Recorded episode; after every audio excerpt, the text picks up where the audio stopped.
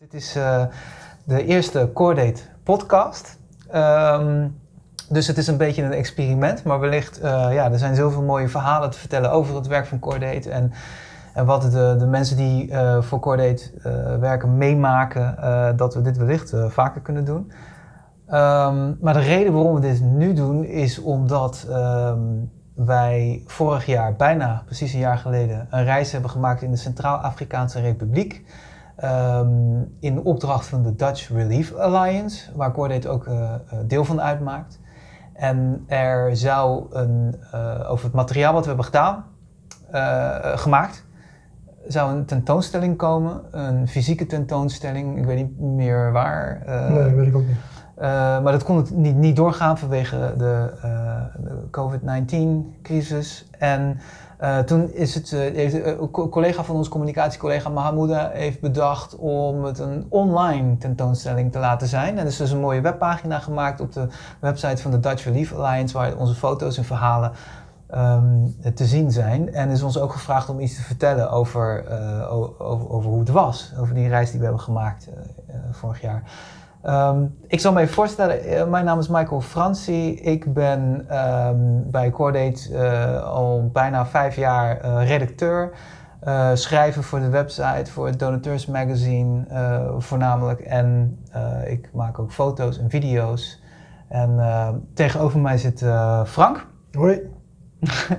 en jij ja, ik ben Frank en ik, ik werk uh, al, al een stuk langer bij Cordate. Uh, al sinds 2002 eigenlijk. Uh, verschillende watertjes doorzwommen, maar de laatste 15 jaar eigenlijk vooral bezig met het schrijven over het werk dat wij doen. Een interview van mensen en dat gaat van dikke boekwerken tot, tot vluchtige stukjes. Ehm, en dus van alles. en we konden, ik kon daarbij regelmatig reizen. En die reis naar de Centraal-Afrikaanse Republiek was in feite een van de laatste reizen voordat de wereld eigenlijk lam werd gelegd door corona, die ik heb gemaakt.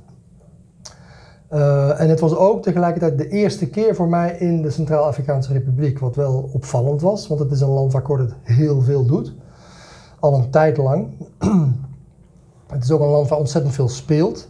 Het is een van onze, om het zo maar eens te zeggen, ja, toplanden of onze belangrijkste landen.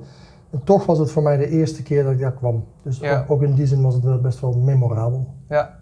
En heel, heel even van waarom we daar ook alweer waren. Want, want wij zijn dus, uh, we, wij hebben een, paar keer hebben we samen gereisd. We, we- de, de dingen die we doen lijken op elkaar, maar we, we verdelen dan het werk een beetje. Dus, dus dan, eh, eh, eh, als jij eh, eh, mensen aan het interviewen bent, eh, dan, eh, dan ben ik het vaak aan het filmen en dan, en dan Hmm. eh, neem ik de foto's. En, eh, maar het is ook, ook zo dat we soms eh, afzonderlijk reizen en dan, dan allemaal eh, doen.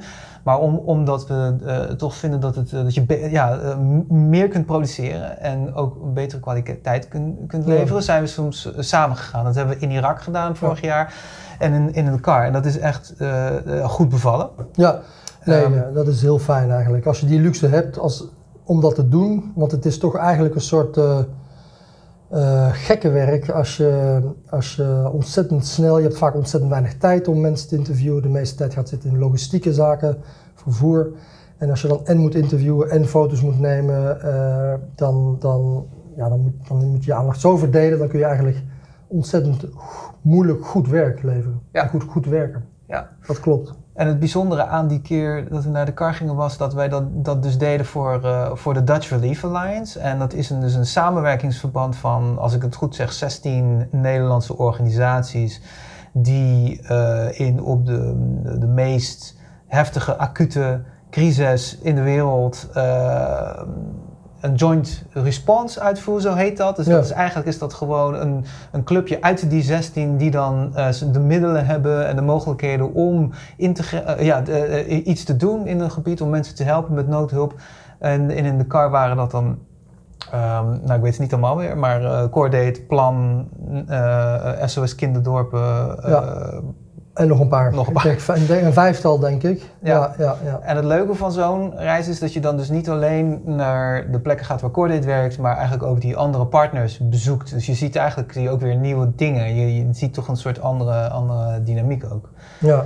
En uh, nou goed, dat was de, dat was de opdracht om uh, uh, verhalen te maken, een video, dus artikelen, fotoreportage over het werk van die verschillende organisaties in de Centraal-Afrikaanse Republiek. Ja. Ja. Maar ja, misschien is het ook goed om even um, weer te. Want de Centraal-Afrikaanse Republiek, het bijzondere van het land is dat het toch echt, ja, misschien wel het meest vergeten gebied ter wereld is. of een van de meest vergeten. Um, wat, um, nou ja, goed. Ik, toen ik bij, uh, voordat ik bij Corday kwam, was ik er ook uh, totaal niet mee bekend. Nee. Terwijl ik toch dacht dat ik best wel wat van Afrika af wist. Ja. Maar het was echt wel een, een zwart gat. Nee, de, de, de, mensen weten dat het ergens in het midden van Afrika ligt, Centraal-Afrika. En voor de rest weten eigenlijk, uh, de meeste mensen weten niet überhaupt dat het een land is of waar het ligt. Nee. En dat de hoofdstad Bangui is bijvoorbeeld.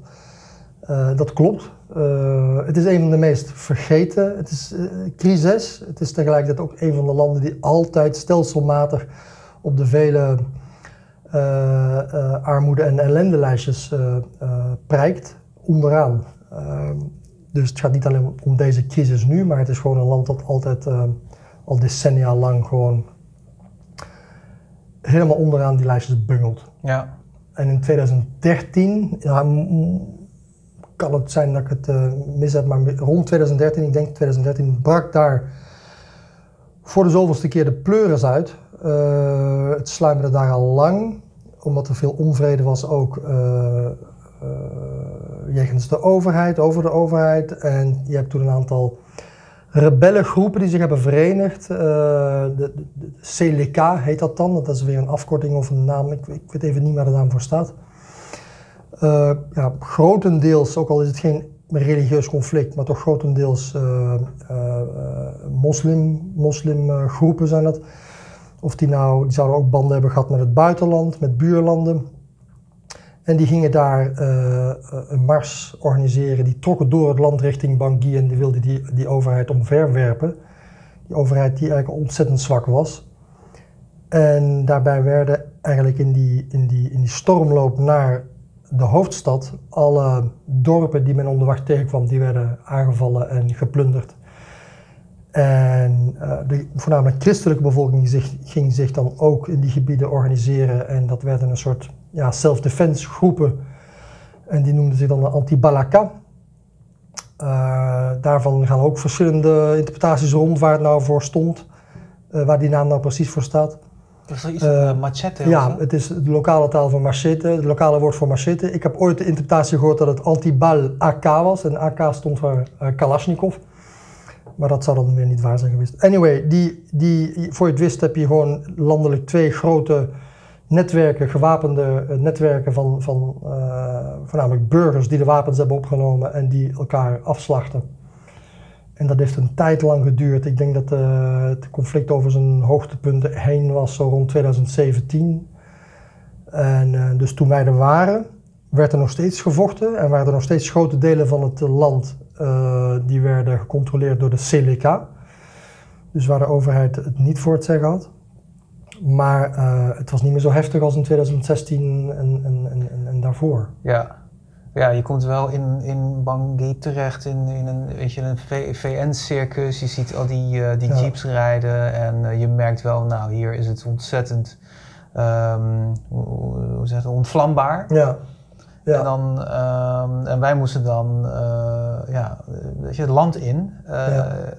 Als eerste, als ik het goed zeg, Bossangoa. Ja. Wat heel centraal ligt in het land. En um, en dan ga je rijden en dan, uh, en dan, dan hè, zoals het altijd gaat, zoals dat in, in Irak ook ging, dan moet je eerst even goed kijken of het wel handig is, of, het, uh, of er geen gekke dingen onderweg ja. uh, kunnen gebeuren. Maar dat viel dan reuze mee, want we hoorden dat, dat, dat, dat eigenlijk een, een, een, weg is die al heel vaak weer breder werd. En het is inderdaad een belangrijke ader door, door het land. En dat, en dat voelde ook wel goed. Ja, ja, ja, het voelde goed. Het kon dus allemaal. En ik, ik was verbaasd, want uh, ja, ik, ik ben dan toch weer in de val getrapt. Mede ook door het werk wat ik doe, waardoor je toch altijd mm, met een bril naar landen kijkt. Een bril die vooral gericht is op ellende. Maar de schoonheid van het land. Ik, ik was zeer onder de indruk van uh, gewoon wat ik onderweg zag. En, en dat heb ik vaak als ik in Afrikaanse landen ben en zeker het platteland. Ehm, ook de rust en ook eh, de, ja, op een of andere manier de sereniteit en ook de gruwelijke armoede die je ook ziet. Maar, ehm, en het natuur schoon. Ehm, de, de, ja, de, de, bomen, de planten groeien. dus daar was ik zeer van te spreken. En wat ik van te spreken vond ik heel erg mooi. wat me ook opviel was dat er toch iets van een overheid was. je ging langs. Langs uh, checkpoints, maar dat waren niet zoals in andere Midden-Oostenlanden echt zwaar bewapende checkpoints, maar daar werd, werden gewoon ook uh, uh, het, wegenbelasting wordt daar geïnd bijvoorbeeld. Nou, dat wijst erop dat daar een structuur is. Ja. dan dacht ik, oké. nou. Ja. We moesten ook op bezoek komen bij een paar van die officiële figuren. Dat, ja. dat, dat is dan wat mij vrij onduidelijk, maar ik moet ook zeggen, ja, ik, ik spreek niet goed Frans, jij wel. Dus ja. jij, jij, had de hele tijd uh, goed in de gaten wat er gebeurde. En dan, en dan soms dan als, um, als je de taal niet goed spreekt, dan word je ergens ineens, ineens in een kamer geduwd. En dan sta je daar een handje te geven en je weet eigenlijk helemaal niet aan wie of waarom. Ja. Maar dat, uh, dat waren dan uh, de prefectuur of zo? Of, ja, ja, nou ja, de hoofden van bepaalde administratieve, administratieve eenheden en districten en prefecturen. Ja, maar dat is altijd wel, dat hoort er wel dan het hoort er bij. Ja, het hoort erbij. Het is ontzettend tijdrovend en het is ook altijd een soort machtsspelletje. Want ze willen je daar... Uh, je komt, je komt langs en, en je behoort te laten zien dat je die persoon, vaak zijn het dan mannen, was ook een vrouw bij deze keer trouwens. Maar uh, die moet je nodig respect betuigen en, uh, en dat, dat, dat duurt een uur. Ja, ja. ja.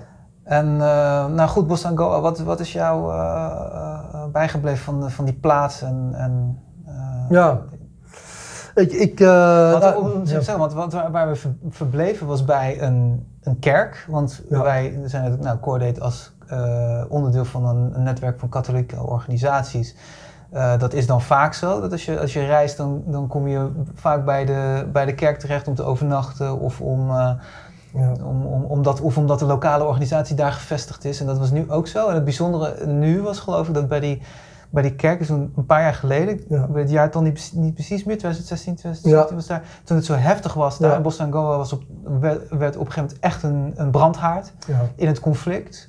Eh, of in ieder geval de, de omgeving eromheen. En heel veel mensen waren daar naartoe gevlucht. En ik weet foto's ook nog wel van al die mensen die daar toen hun, hun kamp hadden opgeslagen. En, en dat de kerk of, de, ja, of, of de, de, de Caritas-organisatie daar um, uh, die mensen ook uh, hielp. Ja, nee, dat, dat, dat, maakt het eigenlijk indrukwekkend. Want, um, en dat zet het zo af tegen de rust. Want wij gingen daar ochtends ons koffietje drinken in de buurt bij, ik ben zijn naam kwijt. Maar, Mathieu. Mathieu. Ja, geweldige vent. Geweldige vent. En, uh, en nog zoiets even tussen haakjes, maar je moest dan tegen Mathieu zeggen wat je graag wilde eten die avond. En hij ging dan, want hij had eigenlijk een restaurant, maar hij had geen ingrediënten, hij had helemaal niks. Dus dan uh, gaat hij uh, lokaal bij de markt ja, de komkommer of groente halen. En, ehm, hij was ooit de, de kok van de, van de bisschop. De bisschop. Ja. ja. Dus hij kon ook echt wel koken. Uh, ja, dat was ook lekker. Hè. Met, met weinig maakte hij de hele lekkere, lekkere dingen. Dat was ontzettend aardig vent. Maar goed, de rust daar die, die, die, steekt heel erg af tegen wat zich daar twee jaar geleden, of tweeënhalf jaar geleden daarvoor heeft afgespeeld. Dan zaten daar 10.000 mensen rondom die kathedraal of kerk. Het was geen kathedraal, denk ik. Uh, en dat was gewoon een geïmproviseerd vluchtelingenkamp. En een aantal van die mensen die we later hebben geïnterviewd en gefotografeerd, die hebben in dat kamp gezeten. En die hebben daar ook familie verloren in dat kamp. Um, dus dat was daar toen echt een, ja, een, een hel. Ja. Um, dus dat was wel een bijzondere, bijzondere plek. Het is wat dat, denk ik de hoofdstad van die, van die prefectuur of die provincie. Ik denk een stad van een ja, man of ja, 10.000, dat weet ik eigenlijk niet. En um, we hebben daar in de buurt een aantal uh, plekken bezocht uh, die met het werk te maken hadden wat de Dutch Relief Alliance dan doet. En, en, en iets verderop, een uur of twee rijden daar, van, daar vandaan. Ja. Uh, en wij sliepen daar inderdaad bij, bij, uh, bij de broeders, bij de, bij de katholieke ja, kerk. Ja. Als het ware, die daar uh, kamertjes hebben en dat verhuren. Ja, ja, ja, er was ook nog één. Tenminste, we hebben, zijn van plek verhuisd op een gegeven moment. We zaten, eerst zaten we in een soort, soort oh, ja. hostel-achtig ding, waar, wat, waar ook een, een hele grote familie uit India zat. En dat is heel merkwaardig. Ja. Iets was dat. Ja, ja.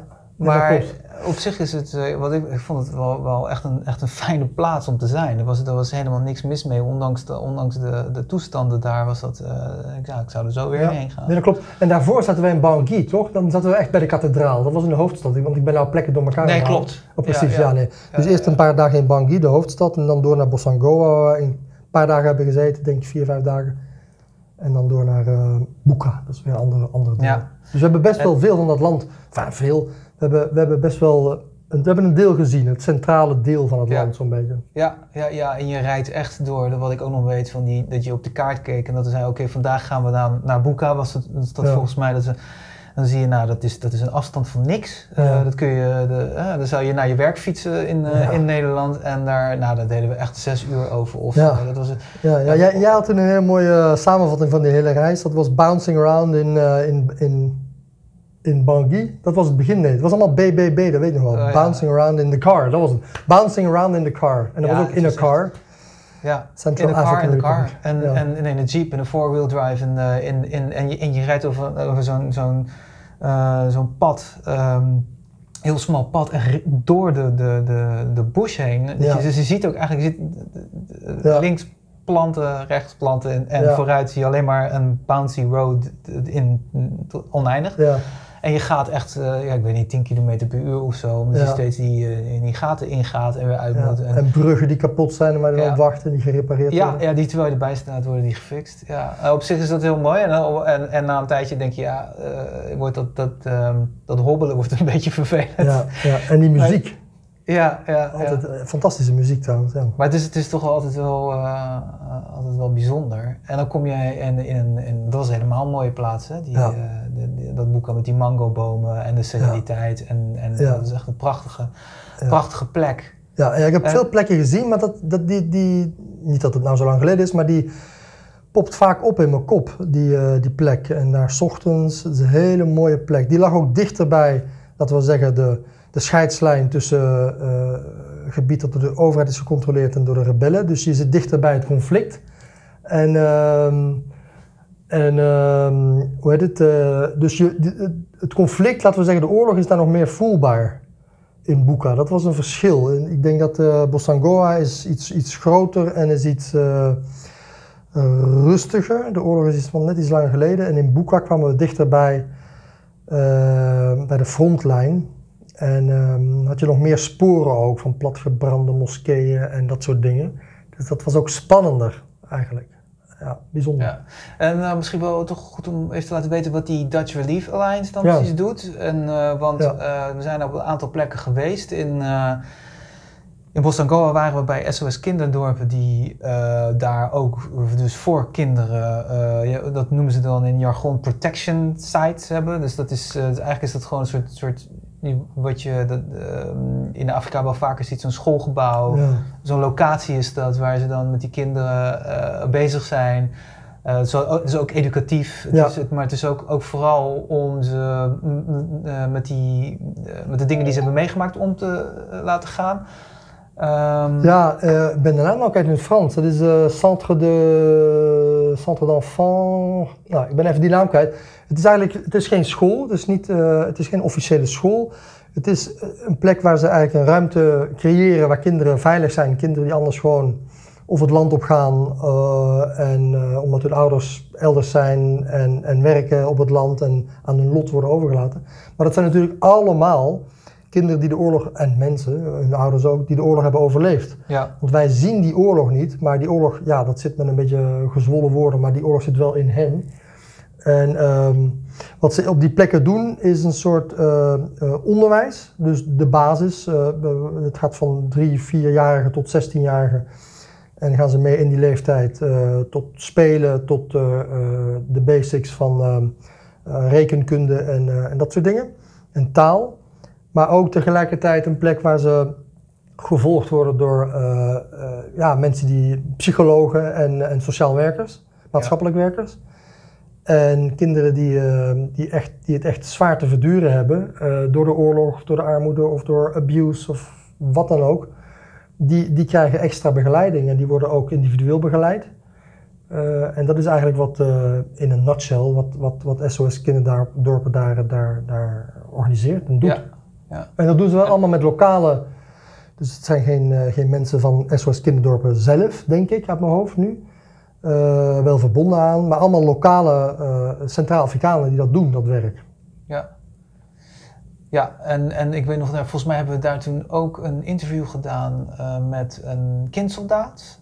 Ja. En ik weet ja, van de verhalen die we daar hebben gehoord, en dat zijn er veel, van, van, van kids tot, tot, eh, tot, tot eh, wat oudere jongeren en, en, en echt oudere mensen. En, maar dat is mij wel het langst bijgebleven, Ja. denk ik. Ook, ook al was het, zeg maar, de verhalen zelf zijn, die waren heel heftig. Ja.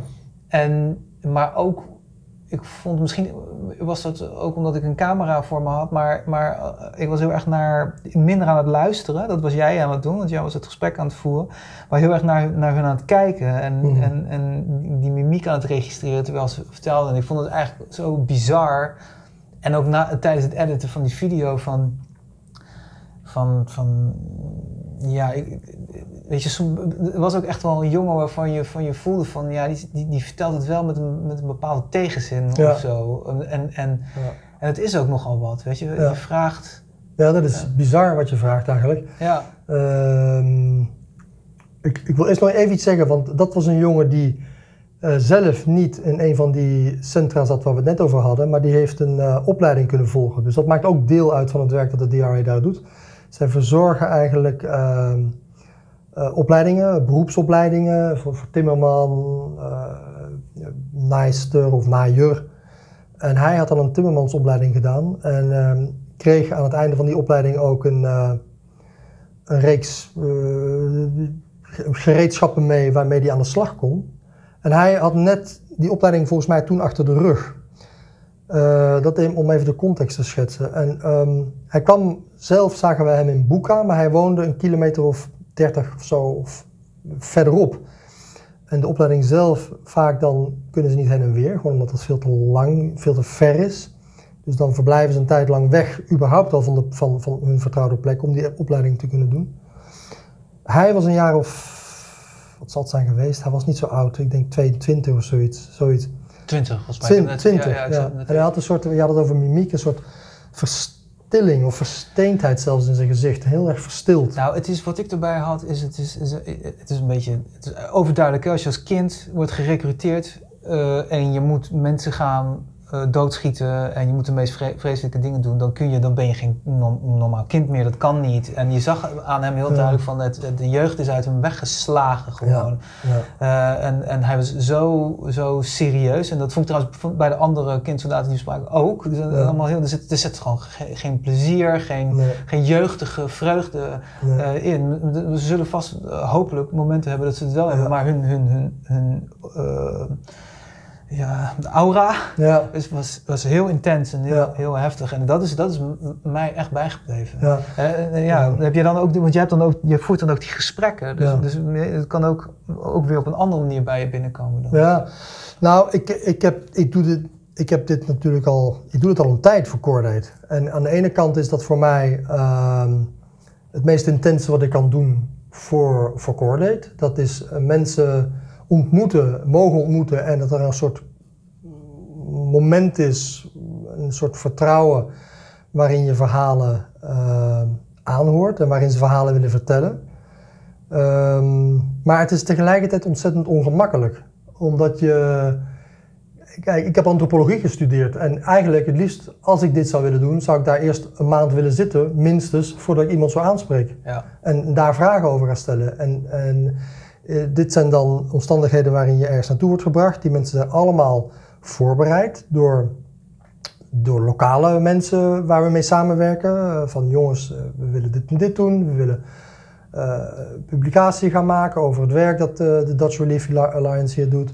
Jullie worden benaderd, et cetera. Vinden jullie het goed om iemand te woord te staan? Nou, dan komen er twee witte mannen aan en, die, en, en de een fotografeert en de ander stelt vragen.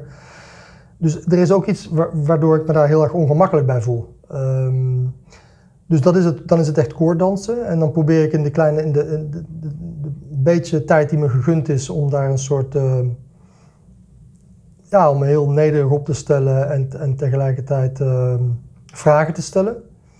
Eh, waardoor er een verhaal op gang komt, waardoor iemand zijn verhaal wil vertellen. Het is ook weer moeilijk omdat je toch met een uh, tolk zit. Hè? Ook al is Oh, het ja, eh, ja. ehm, kan- Frans, eh, is het in principe een Franstalig land, maar uiteraard is dat de taal van de kolonisten. En ze hebben eh, heel lokaal eh, eh, hun eigen taal. Ja. En, en ehm, deze jongen, eh, die, die, die volgens mij ook wel wat Frans sprak, maar wilde vertellen in, in zijn Ja. eigen taal. ja. Dus dan wordt het, wordt het vertaald en ik heb die, die ervaring zelf, nou ja, dat, dat vind ik zelf altijd heel lastig. Omdat je altijd merkt dat je vertaler ja. Het, een, samenvatting geeft of niet, niet precies vertelt. eh, en ook, ehm, het is een filter, het is een hele serieuze filter. En het lastige ook nog eens is dat het veel meer tijd kost. Dus het breekt iets in de vertrouwen of in de sfeer die je wil creëren. Een soort ja, je krijgt een moeilijk een band. Ja, dat is heel moeilijk. En, ehm, en toch is dat voor mijn gevoel gelukt met die jongen. En ehm, eh, je hebt altijd, eh, je, ja, je, moet, je gaat altijd weg met een verhaal en dan eh, weet je niet, je weet nooit helemaal of dat, ja, wat, wat, wat, wat, er, wat er zich afspeelt in het hoofd van die jongen of van een meisje of van een vrouw of van, als je eenmaal weg bent. Voor hetzelfde geld is dat ja, die jongen die kan vertellen wat hij wil. Eh, niet dat er helemaal, ik, het is geen kwestie van wantrouwen dat ik heb, maar ehm, hij vertelt zijn verhaal. Als jij iemand, eh, waar ook, een goede vriend vraagt eh, naar het verhaal van een echtscheiding, dan krijg je altijd zijn verhaal. Je krijgt Ja. nooit het verhaal van iemand anders. Maar zijn verhaal, zijn kant en zijn beleving, dat was, dat, dat was ontzettend intens. Hij had, eh, hij had een jaar of vijf geleden, had hij, zijn zijn beide ouders, het is een klassiek verhaal in dit soort landen. Beide ouders eigenlijk vermoord. Ehm, zij, hebben dat, zij hebben dat volgens mij gezien. En ehm, hij is vervolgens. eh, wat, dat, dat is een gigantisch tra- trau- trauma natuurlijk. En dan ehm, mede ingegeven door dat trauma en, en, de, en de gevoelens van totale verlorenheid en wraak. En, en, heeft hij toen zelf heeft hij aangesloten bij, bij een eh, gewapende militie. En, en dat vond ik een van de moeilijkste ervaringen, of moeilijkste zaken van die hele reis. Is, en dat zag je zeker nog meer in Buka dan in Bossangoa. Is dat, ehm, ook al willen we hier vaak zeggen, nee, het is geen oorlog tegen christenen en moslims. Wat je daar zag in de dorpen, wij kwamen dan in dorpen, ehm, eh, niet echt in moslim of een CLK gecontroleerd gebied, maar anti-Balaka overheid geregeerd gebied. En dat is voor het grootste deel christelijk. Maar dat het, die, de moslims die daar wonen zijn weg. Dus dat is een gezuiverde streek. Eh, die kunnen daar nu ook nog steeds niet terugkeren. En de moskeeën zijn platgebrand. En als je dan vraagt van, eh, ja, wat, wat denk je daarvan? Komen ze nog terug? En eh, sommigen zeggen, nou weet je, wij werkten gewoon vroeger samen. En, eh, maar het is goed dat ze er nu niet zijn. Anderen zeggen, nou ik zie ze liever niet meer. Maar je zit ineens in een soort eh, ja, apartheidsachtige toestand. De moslims zijn, zijn er niet. Mhm. Dat, en dat is heel erg, dat, ik, daar voelde ik me heel erg. Boeka was een ontzettend mooie, mooie, serene plek. En tegelijkertijd was het een. Ik voelde het heel erg onheimlich. Ik voelde heel erg eh, weird gewoon weg. Wetende dat eh, een deel van de bevolking is daar gewoon vermoord, verjaagd, weg. Ja, En, ehm, en het verhaal daarachter vertelde deze jongen eigenlijk. ja. Beide ouders vermoord door rebellengroepen die met moslims werden geassocieerd. Ik sluit mij aan en ik, eh, en ik kan me heel goed één zin die hij zei. eh, elke keer als ik echt iemand moest aanvallen, dan dacht ik gewoon aan mijn ouders en dan kon ik het. Ja. En eh, ja, eigenlijk op dat moment zelf registreer ik zoiets, maar dat, ja, dat, dat gaat eigenlijk door merg en been eigenlijk. Als, ik daar, als je daar aan terugdenkt, dan wow. En, dat, en, dat- je zit in, op dit soort reizen, zeker met dit soort eh, opdrachten, eh, waarbij je dit soort verhalen gaat optekenen en fotograferen. Daar, dan, dat, dat is iets anders dan wanneer je het gaat hebben over waterputten of over ehm, dat soort zaken. Je zit in een soort intense beleving en die het heel erg waardevol maakt. En tegelijkertijd, als, je, als ik dan thuis kom, dan denk ik van wow, ja, je, je hebt wel iets meegemaakt. En ehm, dan zit er een soort spanning in je, denk ik. Het is toch wel het zijn heftige reizen. Ja, ik wou het aan je vragen. Ja, neem je wel eens dingen mee naar huis? En, en, en nu noem je het spanning. Is, is, is dat het? Of, of, of komt het op een andere manier wel eens naar boven? Of, of je zou ook kunnen zeggen, heeft het een positief effect? Je zou kunnen zeggen, ja, je relativeert dingen. Het valt, het valt bij mij, mijzelf wel eens tegen van dat ik denk nou, dat, ik, me- dat ik me hier in Nederland heel erg druk over iets maak. Dat ik dan zelf denk van, waarom maak ik me hier druk over? Terwijl Ja. ik zoveel ellende van dichtbij heb gezien. En dat op een of andere manier denk ik dan, waarom maakt dat niet uit?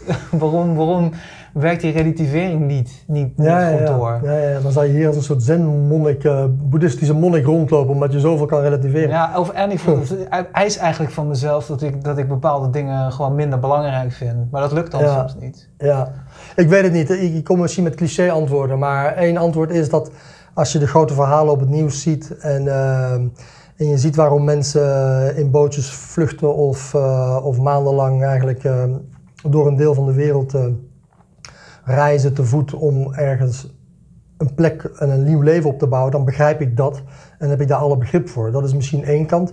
Het gekke is dat bij sommige landen waar ik ben geweest, heeft me dat politiek heel erg aangegrepen.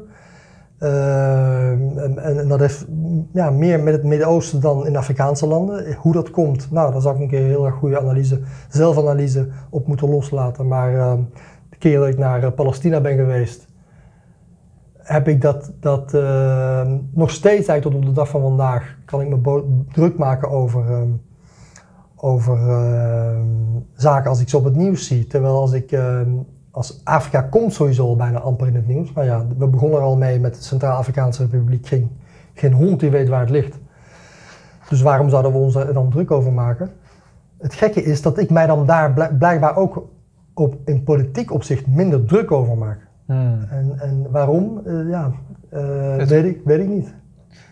Ehm, Ja, het komt je, je babbel niet in. Het komt niet in, Blijkbaar, je, blijkbaar wordt in die... je timeline. Ja, ja, ja, dat, ja, blijkbaar. Ja, ik weet het eigenlijk niet, eerlijk gezegd. Ja. Ehm, bij, van deze reis heb ik... ehm, ja, dat neem ik wel mee naar huis. Niet dat ik het er aan tafel over heb, maar het blijft op de een of andere manier eh, hangen. En ehm, ehm, ja, ik, ik weet het niet. Het is heel erg fout als ik het zo zeg, maar ik, het, het, het maakt mijn leven rijker. Al de mensen die ik heb ontmoet, ik herinner me nog interviews van 15 jaar geleden. En dan weet ik niet meer woordelijk waar het over ging, maar ik weet nog precies hoe dat ging en eh, de sfeer. En, Ja. ja. En dan, eh, wij zouden dit jaar ook weer eh, een paar eh, reizen ondernemen. We zouden naar Afghanistan gaan, we zouden weer teruggaan naar Irak was het plan. Er waren Ja. nog wat, de, ik geloof dat DRC was iets, in de, de Democratische Republiek Congo was iets, er stond iets in de pijplijn. ja. Het is allemaal niet doorgegaan en dat vinden wij dat vinden we heel vervelend, want het is, eh, we vinden het een van de leukste dingen om te doen. In, voor, voor Coordinator misschien sowieso wel. ja. En dan is het niet alleen corona wat roet in het eten gooide wat ons werk betreft, maar ook het besef dat, het, eh, de- dat, dat- wij ons meer zijn af gaan vragen of wij wel de juiste personen zijn om dat altijd te doen. En, en er is eh, daarvoor een, ehm, een, een katalysator geweest en dat is een film die is gemaakt door een Nederlandse documentairemaker, die heet eh, Stop Filming Us. Eh, recent ook op de televisie geweest en ik ben even de naam kwijt, maar eh, die, klopt, die ja. filmer die eh, werkte ook voor eh, NGO's. Die, is, die was meerdere keren in Congo geweest om voor een NGO een, dit, dit soort werk te doen, wat wij dus eigenlijk ook doen. En ehm, dus, dus dat, die- dat waren opdrachten. En later is hij teruggegaan om zelf een film te maken. En in het proces, ik geloof dat hij niet van tevoren had bedacht om het, het onderwerp diende zich later aan, geloof ik. Toen hij eh, aan het filmen was en in gesprek raakte met, eh, met Congolese ehm, journalisten, filmmakers of Ja. wie dan ook. ja. Eh, dat hij zich af begon te vragen, ben ik hier wel op mijn plek als, Ja. als witte man? Ja, ineens werd het filmen zelf onderwerp van de film. Hoe film ik eigenlijk als witte man? Daar ging het over. En die, die is ook op twee doc verschenen. Ehm, ja, er zijn die, die film en tegelijkertijd de hele Black Lives Matter beweging. En ook binnen Cordate is dat echt een onderwerp van gesprek geworden van racisme en eh, eh, de ontwikkelingssamenwerking en internationale samenwerking als een, als een, als, eh, ja, laten we zeggen, hoe dat is voortgekomen uit ja, de koloniale tijd. En onderdeel was van een koloniaal, groot koloniaal imperialistisch eh, project, programma. Ehm, dus dat, dat allemaal samen, dat speelt ontzettend, waardoor we ook ineens worden, en ik, ik ook, word veel meer dan, dan vroeger wordt geconfronteerd met hoe, hoe interview ik eigenlijk? Hoe, hoe, hoe, hoe, hoe schrijf ik die verhalen eigenlijk? Hoe kijken we eigenlijk? Hoe fotograferen we eigenlijk? En überhaupt moeten wij daar wel verhalen gaan snatchen en, en, en moeten weghalen? En, en is het niet eens hoogst tijd dat die mensen zelf hun eigen verhaal vertellen en daar zelf alle middelen voor krijgen om dat te doen? Ja. Dus ja, dat, dat, dat speelt nu heel erg. Ja, dat speelt heel erg. En, en ik, ik geloof ook echt dat dat heel goed is. Uh, ook al betekent dat misschien dat wij ons werk op een andere manier moeten doen. Of, uh, of dat we de dingen die we leuk vinden wat minder kunnen doen. Maar, maar het, het, het, is, het is ontzettend uh, goed. Maar ik, het is wel in ieder geval voor mijzelf nog, nog een leerproces. Omdat ik, maar, ik vraag mij ook wel bepaalde dingen af.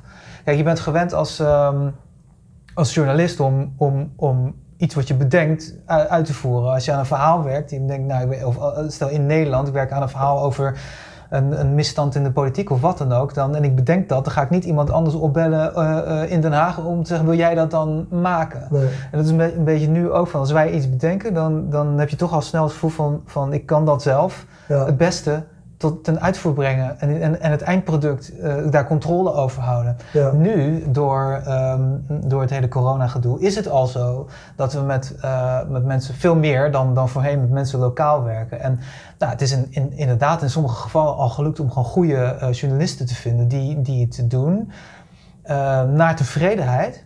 Maar nog steeds is het heel moeilijk om het, het materiaal te krijgen zoals je het echt wilde. Ja. En, en, en, want als je Maar, maar daar zit het hem in.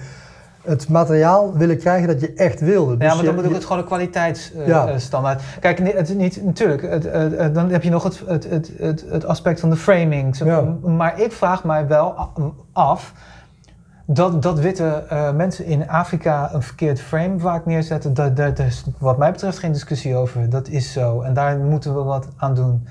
Ehm, maar aan de andere kant is het ook weer niet zo dat een zwarte journalist altijd eh, het juiste frame Nee, eh, nee, nee, nee, natuurlijk niet. En want, het is, want het is ook wel eens zo, heb ik het idee een paar keer meegemaakt dat, je, dat, dat er eh, ehm, wordt geleverd wat, wat, wat verwacht wordt. Ja. Dus dat je dan misschien juist heel erg een overdreven beeld krijgt van, van iets. Of, of dat je een interview leest dat je denkt van nou, er wordt wel heel erg Ja. gezegd wat... Ja, wat maar dat, ja, dat, dat klopt. Maar het raakt aan zoveel eh, punten. Maar soms vragen wij iets aan, aan lokale journalisten of tekstschrijvers of fotografen. En dan ehm, ehm, krijg je soms bagger. Ehm, maar wij, wij komen wel met een heel specifieke vraag.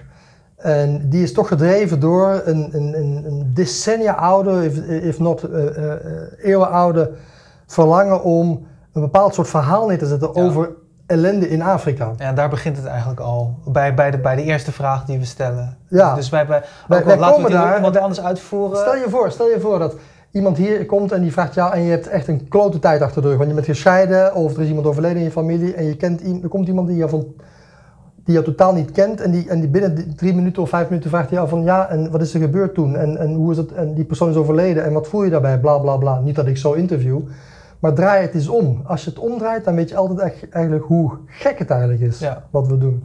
Ja. En ik, ik zou bijvoorbeeld veel interessanter vinden. Ik voel een beetje de tijdsdruk, want ik geloof niet dat we nog heel veel tijd hebben. Nou, maakt niet uit, is een podcast. Oké.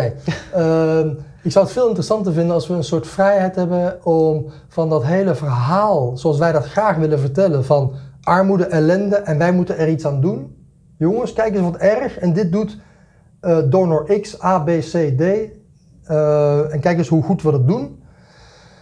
Eh, om, om een verhaal te vertellen dat is gebaseerd op de denkers, de filosofen, de, de verhalenvertellers die in de Centraal-Afrikaanse Republiek in die streek zitten of in, in Afghanistan zitten. En als je eh, gebruik maakt van de rijkdom en de literatuur en de muziek en, de, en als je al die bronnen, die eigenlijk het leven de moeite waard maken, waar je ook zit op de wereld, veel meer die bronnen gebruikt en in, je, in, in hoe je een, eh, een beeld neerzet van een land of van een gebeurtenis of et cetera, et cetera. Nu reduceren we landen altijd tot honger, armoede, oorlog en klimaatcrisis. Dat is het nu zo'n beetje. En, eh, en, en slachtoffers. Ja. Terwijl mijn god man, eh, dat zijn allemaal stuk, stuk voor stuk landen waar ze fantastische muziek maken, fantastische verhalen maken, fantastische denkers hebben, fantastische moedige mannen en vrouwen en hele hippe jongeren die bezig zijn met, uh, met zaken waar, ja, waar wij een puntje aan kunnen zuigen. Uh, die bron aanboren. kunnen we, ik ja, voel daar uiteraard heel veel voor, maar kunnen wij dat in onze rol bij een hulporganisatie doen? Ja, ik, nou misschien is het tijd dat een hulporganisatie ook anders naar zichzelf gaat kijken. En dat we, uh, een, van de, een van de zaken is die hulp, de hulpindustrie, als je hem maar zo moet noemen. Een van de kwalijke zaken van de hulpindustrie is dat ze eigenlijk zo een rotsvast verankerd beeld hebben neergezet van grote delen van de wereld. Waardoor je ook iets in stand houdt. Um, en als je, als je dus, ik zou het fijn vinden als communicatie onderdeel wordt van de verandering. En we proberen altijd met veel, met, met, met, met financiële middelen en met expertise op vlak van gezondheidszorg, tot noodhulp, tot shelter en huizenbouwers. Mensen die heel veel afweten van recht en gerechtigheid. Dat zetten we allemaal in om dingen te veranderen. Misschien kunnen we communicatie ook onderdeel maken van uh, een veranderingsproces. Dat we communicatie zelf gebruiken om zaken te veranderen. Maar stel dan, stel uh, we kunnen weer ergens naartoe, uh, maar in de hulpsector is er verder nog niet zoveel veranderd. Alles gaat gewoon zoals het altijd is gegaan. wat zou je dan anders willen doen in je volgende reportage? Als je, als je, als je het, het um, nou ja. voorsprong zou willen nemen op de verandering. Nou, ten eerste eigenlijk, het is allemaal een kwestie van geld ook, meer tijd willen hebben. En, uh, heel maar, klein... maar wel zelf gaan. Dus nou wel... ja, kijk, dat, hier, hier, raak je aan iets persoonlijks. Ik, ik vind het fantastisch om te reizen.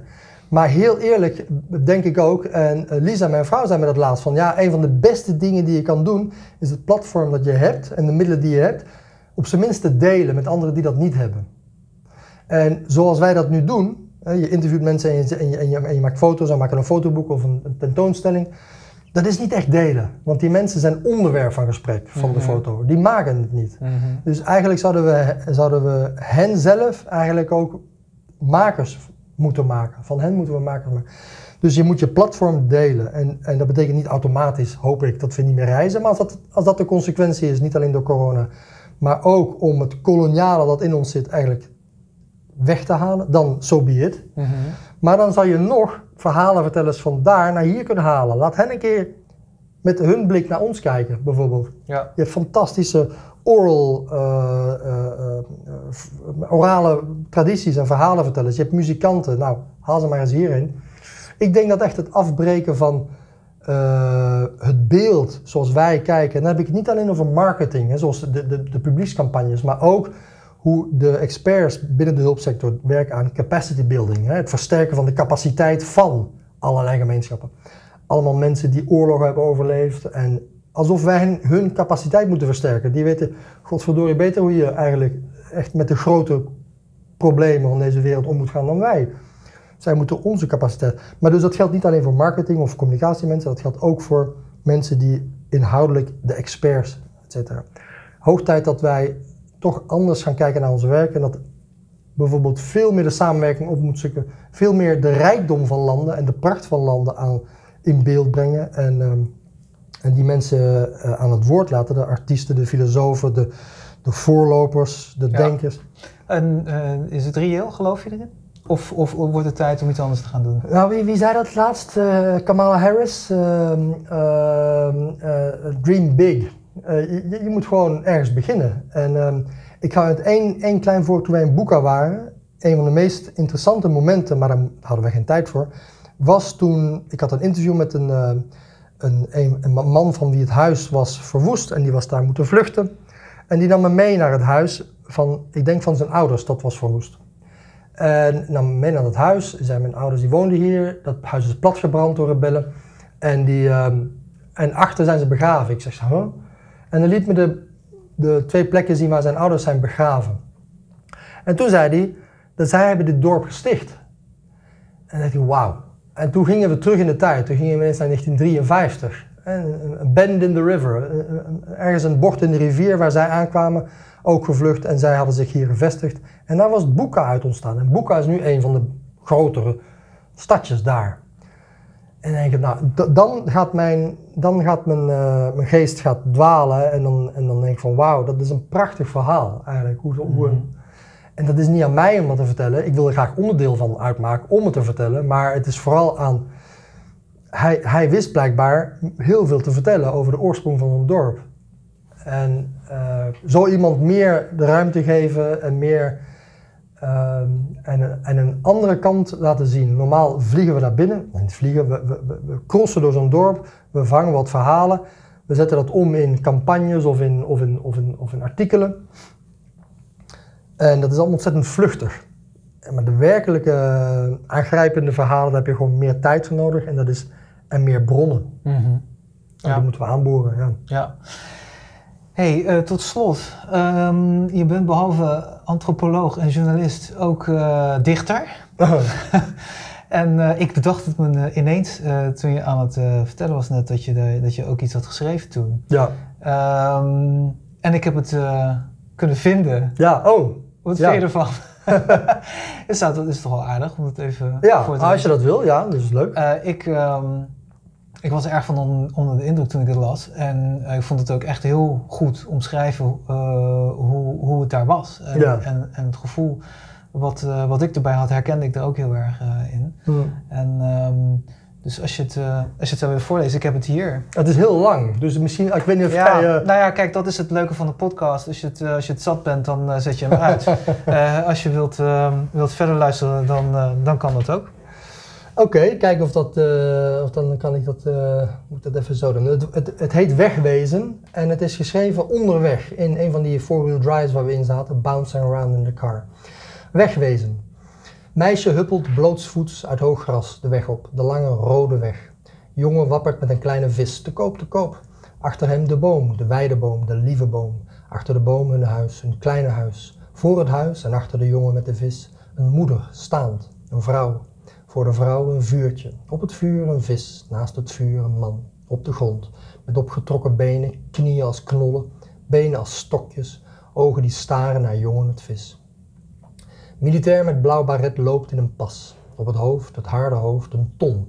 Blauw en ledig olievat met knusse deuk goed gemikt en goed geslagen, precies waar het hoofd de last moet dragen. Achter Ginse kruinen in bos en billé verzamelde Bozizee gevangenen, schonk ze brood en water en de dood. Iets waar presidenten hier niet slecht in zijn. Maar dat is jaren terug. Nu blikkert er, nu blikkert er een blauwhelmkamp, zilver en verscholen tussen groen. Grijs-zwart jongetje met broek en een grote gieter op het hoofd, knijpt ogen dicht en vergeet zijn mond.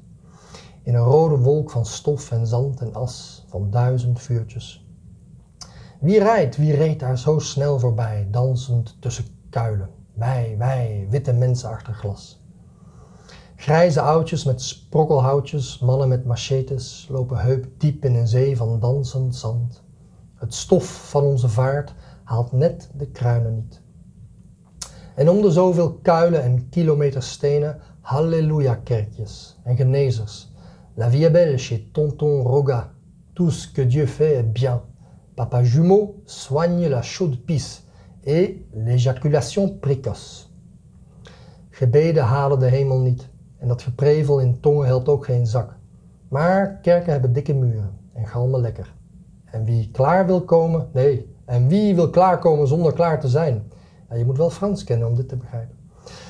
Twee jongens dragen ratten groot als knijden, geroosterd zullen zij verdwijnen in zwijgende monden. Een gele vlinder kust een dode medevlinder op de, op de rode grond en wordt overreden. In dit het eeuwig heden. Ergens hangt was te drogen van tijdelijke naakte. Dunne brommerbanden dragen werelden, scherpe schimmen schieten op, alles met hun ogen. Wie zit, leeft rustig aan de voet van bomen. Groene moederkoninginnen werpen hun schaduw barmhartig als netten van liefde, schenken hun vrucht vlees, wiegen hun bladeren opdat kinderen kunnen dromen, geven hun beenderen voor mensenvuur. Voort, voort, we moeten voort. Dit is het uur om te doen wat wij deden. Voort, voort, niemand wacht op ons en niemand is altijd tevreden. Kisten kun je huren hier, schilt de levenden weer geld. En verdwijnen doe je toch. Gegrilde rat is lekker. Vlinders vliegen vrij. 30 trotse koppen in en op een voertuig voor vijf. Karavaan op vier wielen op weg naar iets. In het lege dorp dat achterblijft houdt een kind te wacht met de oudsten van dagen. Zatte jongens zwaaien met literflessen, heupwiegend op muziek in schuimende hoofden, zuchtend naar een zee van bier om rustig in te slapen in het kortste dorpje Njo. Vrouwenhanden wassen kleren, stoelen, kinderen in een ondiep bekken.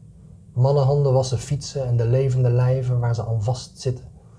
Kinderhanden doen de rest hier. Leven, lachen, huilen, zorgen, werken, dromen, blijven, doden, sterven.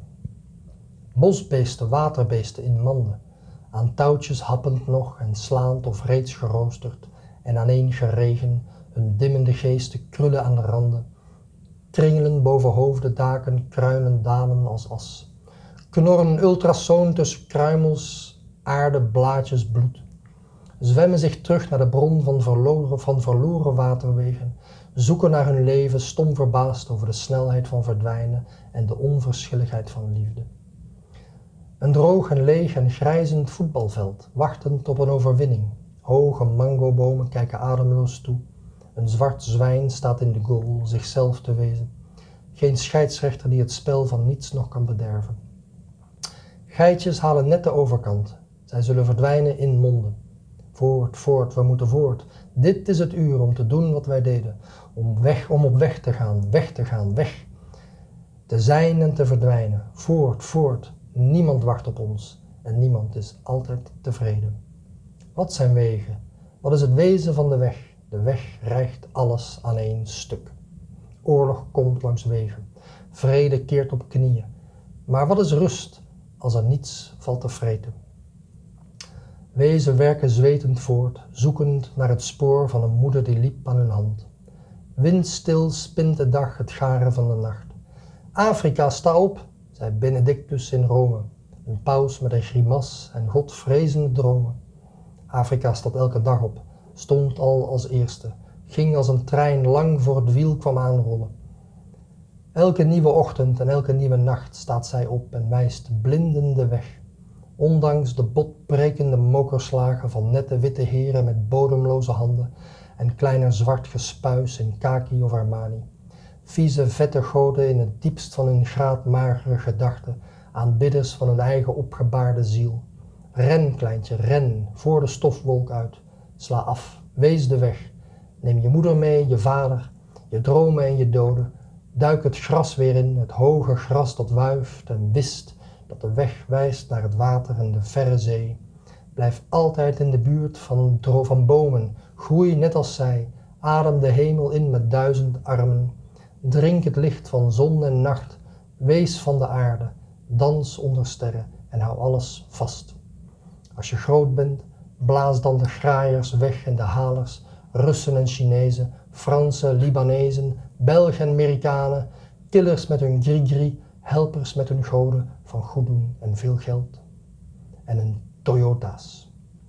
Weg van de mijnen, het hout en het goud, weg van je wezen, weg van je komst en weg van je dood, weg van je huis, je fiets en je boot, weg van de wegen die gaan door je land, weg van het vuur en de vis in je hand, weg uit je dromen en weg uit je grond, weg uit het gras waar je net nog in stond, als stof, als stof uit de rimpels en de randen van je landschap, je land, van dit, van dit je moeder, moeder, moederbord vol kennis en weten vol hijgende en huilende en levende geheugens, vol processoren, vol brokken van de stort, vol dromen waaruit werkelijkheden stromen die de aarde dragen kan, nieuwer dan nieuw, ouder dan de dood, terloops en gewoonweg als stof.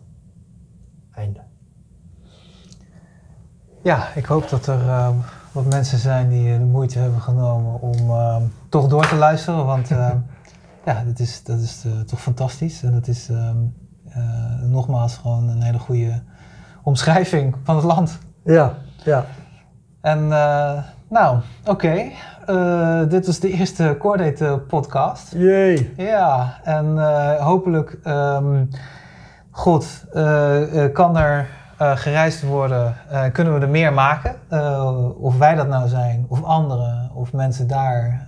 we kunnen natuurlijk ook mensen daar interviewen. En, en we wellicht is dat alleen nog maar interessanter. Ja. Dus ehm, bedankt voor het luisteren Ja. en wellicht tot een eh, volgende keer. Hoi hoi.